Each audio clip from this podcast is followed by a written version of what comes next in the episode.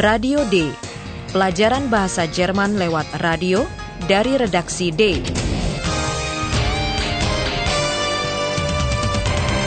Proyek bersama Goethe Institut dan Radio Deutsche Welle. Naskahnya ditulis oleh Nyonya Herat Messe.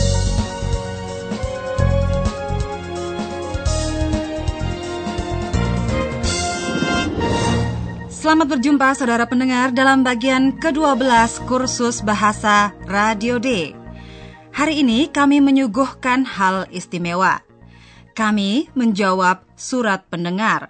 Tepatnya sang profesor yang akan menjawab. Hallo, liebe Hörerinnen und Hörer. Willkommen bei Radio D. Radio D. Hörerpost. Baiklah, kita langsung mulai dengan pertanyaan pertama yang diajukan oleh seorang wanita. Oh, tentu saya menyapa Profesor dulu. Apa kabar? Ya, terima kasih Ibu Rara, baik-baik.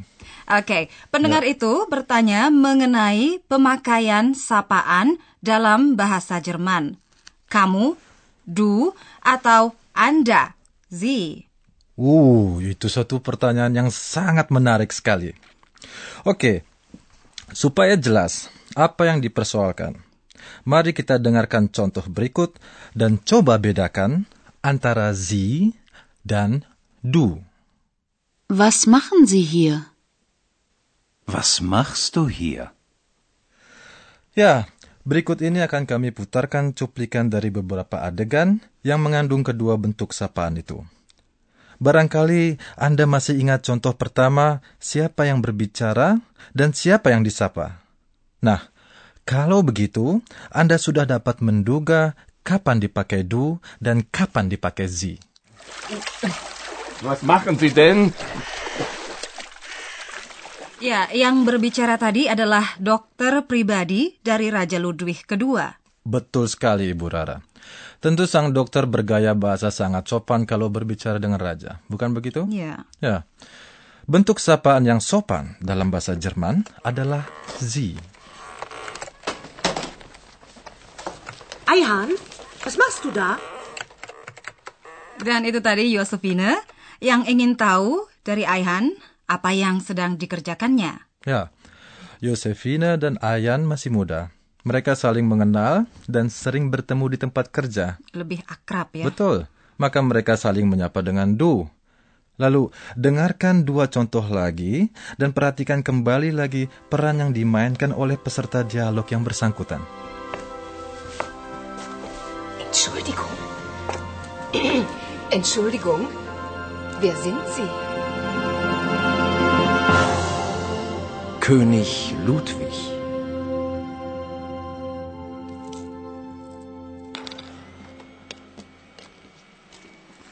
Also, Philipp, das ist Eihahn. Wie heißt du? Eihahn?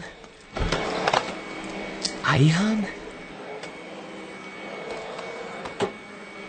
Kesimpulannya, hmm. kalau kita mau bersikap sopan dan hormat, dan kalau menyapa orang tak dikenal atau orang yang lebih tinggi kedudukannya, kita memakai sapaan Sie. Betul. Di antara teman dan orang yang dikenal, dipergunakan sapaan du. Oh, tunggu dulu, tunggu dulu Ibu Rara. Hal itu tidak berlaku secara umum. Kenapa? Ya, karena orang yang sudah dikenal pun sering disapa dengan zi. Sebaliknya, orang muda sering kali langsung memakai du, mm-hmm. biarpun mereka tidak saling mengenal. Nah, sebagai pegangan untuk para pendengar, ingin saya tekankan bahwa pemakaian sapaan zi tidak pernah salah. Yeah. Sebaliknya, kalau kita langsung memakai do, ada kemungkinan orang yang disapa menganggap kita kurang sopan. Kurang sopan. Ya, jadi awal pembicaraan tidak begitu menguntungkan buat kita. Ya, benar. Ya. Lagi pula kalau kita menyapa orang dengan Z hmm? yang sudah biasa dipanggil du, ia pasti akan mengatakannya. Ya, betul.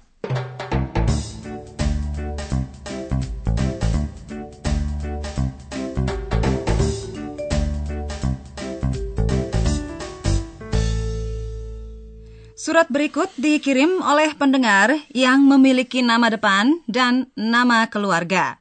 Pertanyaannya, Kalau memperkenalkan diri, cukup kita sebutkan nama depan saja atau nama depan dan nama keluarga. Gimana nih, Profesor? Hmm, mengenai hal itu sudah kami berikan petunjuknya dalam salah satu siaran sebelumnya, bukan Iya, begitu Ibu Rara? betul, betul. Ya. Tapi oke, faktor yang menentukan adalah konteks sosial. Ya. Oke, para pendengar, kita perlu mengetahui bahwa tidak ada yang salah kalau kita menyebutkan nama keluarga saja. Terutama dalam acara resmi atau kalau bertemu dengan orang yang baru kita kenal. Mein Name ist Müller. Mein Name ist Meier. Biasanya kita memperkenalkan diri kepada orang lain atau kita yang diperkenalkan. Tentu saja ada tanggapan juga. Tentu. Biasanya orang berbahasa basi dengan mengatakan, "Oh, senang bertemu," atau dan lain sebagainya yang agak formal dan berbau kuno begitu. Bukan berarti antik. Bukan, itu lain lagi, Bu Rara. Oke. Nah, biasanya orang bereaksi dengan memperkenalkan dirinya saja. Sering juga diajukan pertanyaan, "Apa kabar Anda?" atau Apa kabar? Ya, atau "Apa kabar?" Wie geht's dalam bahasa Jermannya. Majestät, wie geht es Ihnen?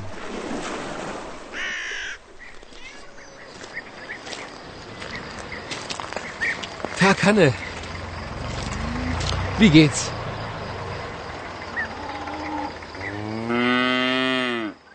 Rasanya pertanyaan itu tidak sepenuhnya serius kan? Ya, betul. Dalam konteks kita baru berkenalan dengan orang lain, kalimat itu memang hanya suatu ungkapan yang kosong saja yang Oh. ya ya yang yang cukup dijawab dengan perkataan sejenis seperti baik atau terima kasih atau terima kasih. Kabar Anda bagaimana? Jadi para pendengar sekalian, tidak pada tempatnya kalau kita menerangkan keadaan kita secara panjang lebar.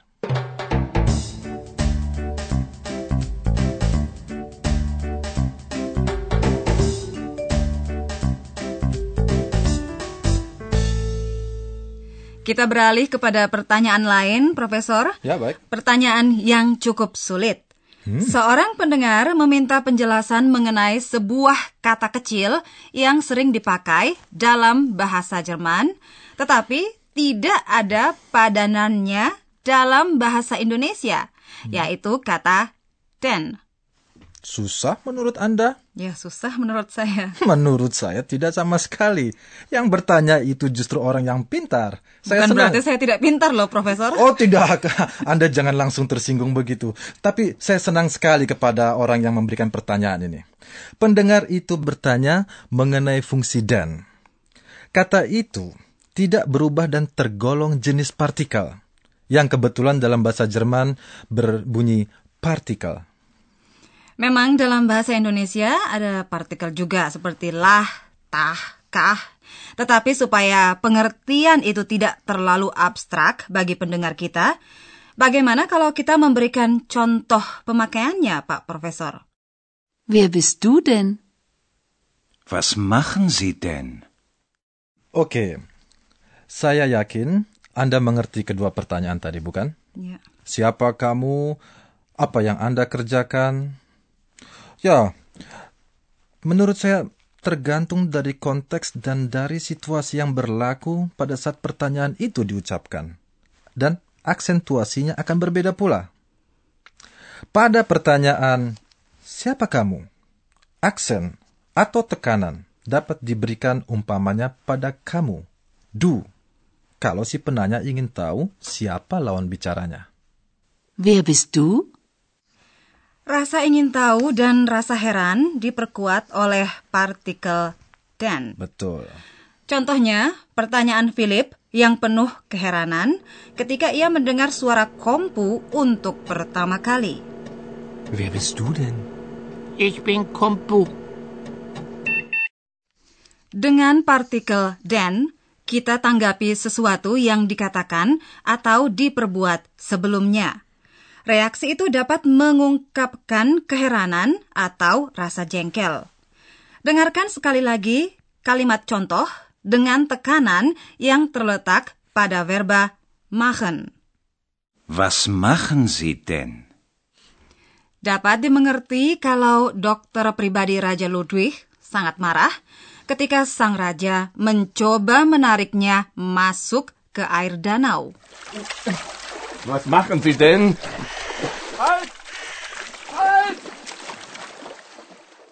Sama halnya seperti semua partikel, kata kecil den tidak mengubah makna ungkapan secara mendasar. Akan tetapi, ungkapan itu dimodifikasi olehnya. Jadi den bisa memperkuat atau memperhalus. Dengan demikian, makna ungkapan tetap sama.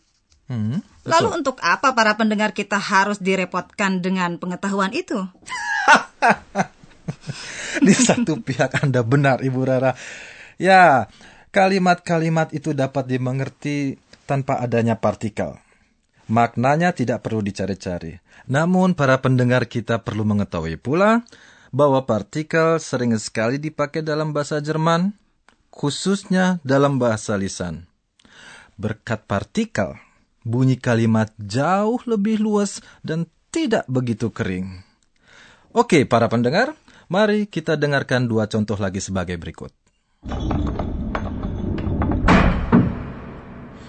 Was ist denn das? Ein Tisch, liebe Sissi?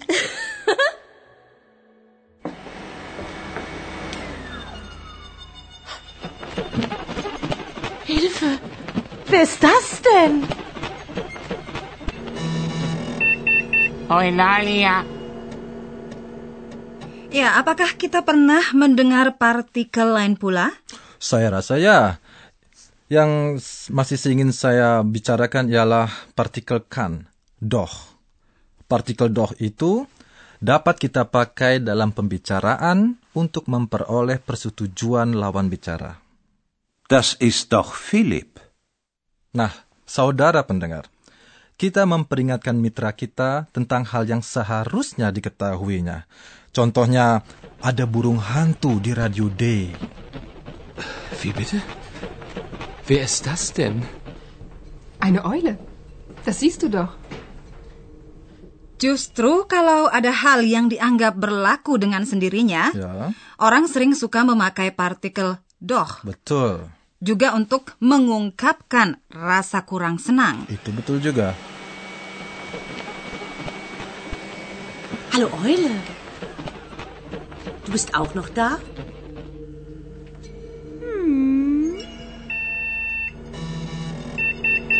das ist eine Eule, aber sie heißt Eulalia. Das weißt du doch.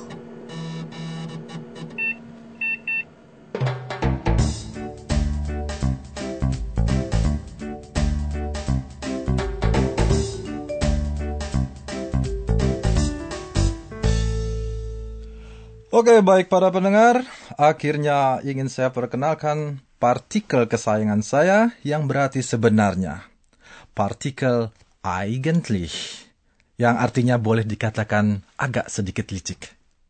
Wo ist Philipp? Wo ist eigentlich Philipp? Licik bagaimana, Profesor? Begini, Ibu Rara. Ya, memang partikel itu kedengaran adem-adem saja. Ya. Ya, tapi jelas dapat mempertajam tuduhan. Bagaimana menurut Anda? Apakah pertanyaan yang diajukan Aihan biasa saja? Tidak. Ataukah mengandung juga tuduhan karena Philip absen dari redaksi? Wo ist eigentlich Philipp? In München. Nein, im Stau. Philipp ist im Stau.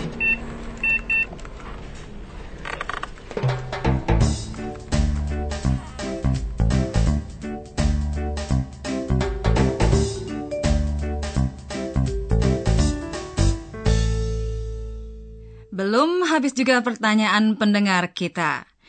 Ini misalnya, kapan dipergunakan tidak, nicht, dan kapan dipakai padanan istilah tak sesuatu pun, nicht.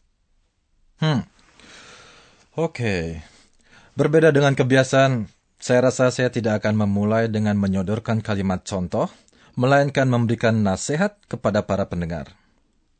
Baik para pendengar, Dalam bahasa Jerman, kedua kata ingkar nicht dan nichts sangat mirip bunyinya. Iya. Oleh karena itu kita gampang sekali keliru. Jadi apa yang patut dilakukan? Yang patut dilakukan menurut saya cara paling baik adalah mempelajari contoh-contoh dalam konteksnya sambil membayangkan situasinya. Dalam keadaan sama sekali tidak mengetahui apa yang dibicarakan, kemungkinan besar orang akan mengatakan, "Saya tidak mengerti apa-apa." Ich verstehe nichts. Situasi seperti itu dialami Aihan pada saat Paula kembali dari perjalanan riset mengenai Raja Ludwig. Ya. Eh, Paula merasa jengkel karena suatu hal yang sama sekali tidak dapat dimengerti oleh Aihan. Paula, ich verstehe nichts. Ich verstehe überhaupt nichts. Du verstehst nichts? Ach, Jadi kata nichts berfungsi sebagai pengingkar untuk hal umum. Misalnya bahwa kita sama sekali tidak mengerti atau tidak tahu, tidak dapat atau hmm, dugaan saya dalam semua bahasa di dunia ini ada cara untuk membedakan apakah orang mengetahui tidak sesuatu pun atau tidak mengetahui hal tertentu. Yang terakhir itu diungkapkan dengan kata nicht dalam bahasa Jerman. Kata itu memang selalu mengacu pada hal-hal yang konkret sekali. Juga kata Ich liebe dich nicht. Ibu Rara, apa maksudnya ini? Ya, oke, kita beralih kepada masalah kita. Oke. Umpamanya pada fakta bahwa Philip tidak berada di redaksi Radio D ketika ibunya menelepon. Mein Name ist Frisch, Hanne Frisch. Ist Philipp da? nein, der ist nicht da. Oke, kalau boleh, saya ingin beralih sepintas lalu kepada lawannya nichts. Kata semuanya, alles. Du verstehst alles? Itulah reaksi Josephine yang terheran ketika menyadari bahwa Eulalia mengerti semua. Entschuldigung, du verstehst alles? Alles dan nichts menyebutkan hal yang sangat umum, yang satu positif dan yang lainnya negatif. Saudara pendengar, jalan tengah di antara mengetahui semuanya dan mengetahui tidak sesuatu pun adalah tidak mengetahui semuanya. Kalau sudah begitu, sebenarnya kita merasa serba tahu, bukan? Eulalia. Eulalia. Woher kommt dein Name? Ich bin klug und weise. Aber ich weiß nicht alles. Sayang sekali waktu untuk menjawab surat pendengar sudah habis untuk kali ini. Terima kasih banyak Pak Profesor. Ya, saya juga ucapkan terima kasih kepada para pendengar yang mengajukan pertanyaan yang berbobot. Dan dalam siaran berikutnya, Philip dan Paula mendapat tugas investigasi kasus baru. Liebe Hörerinnen und Hörer, bis zum nächsten Mal.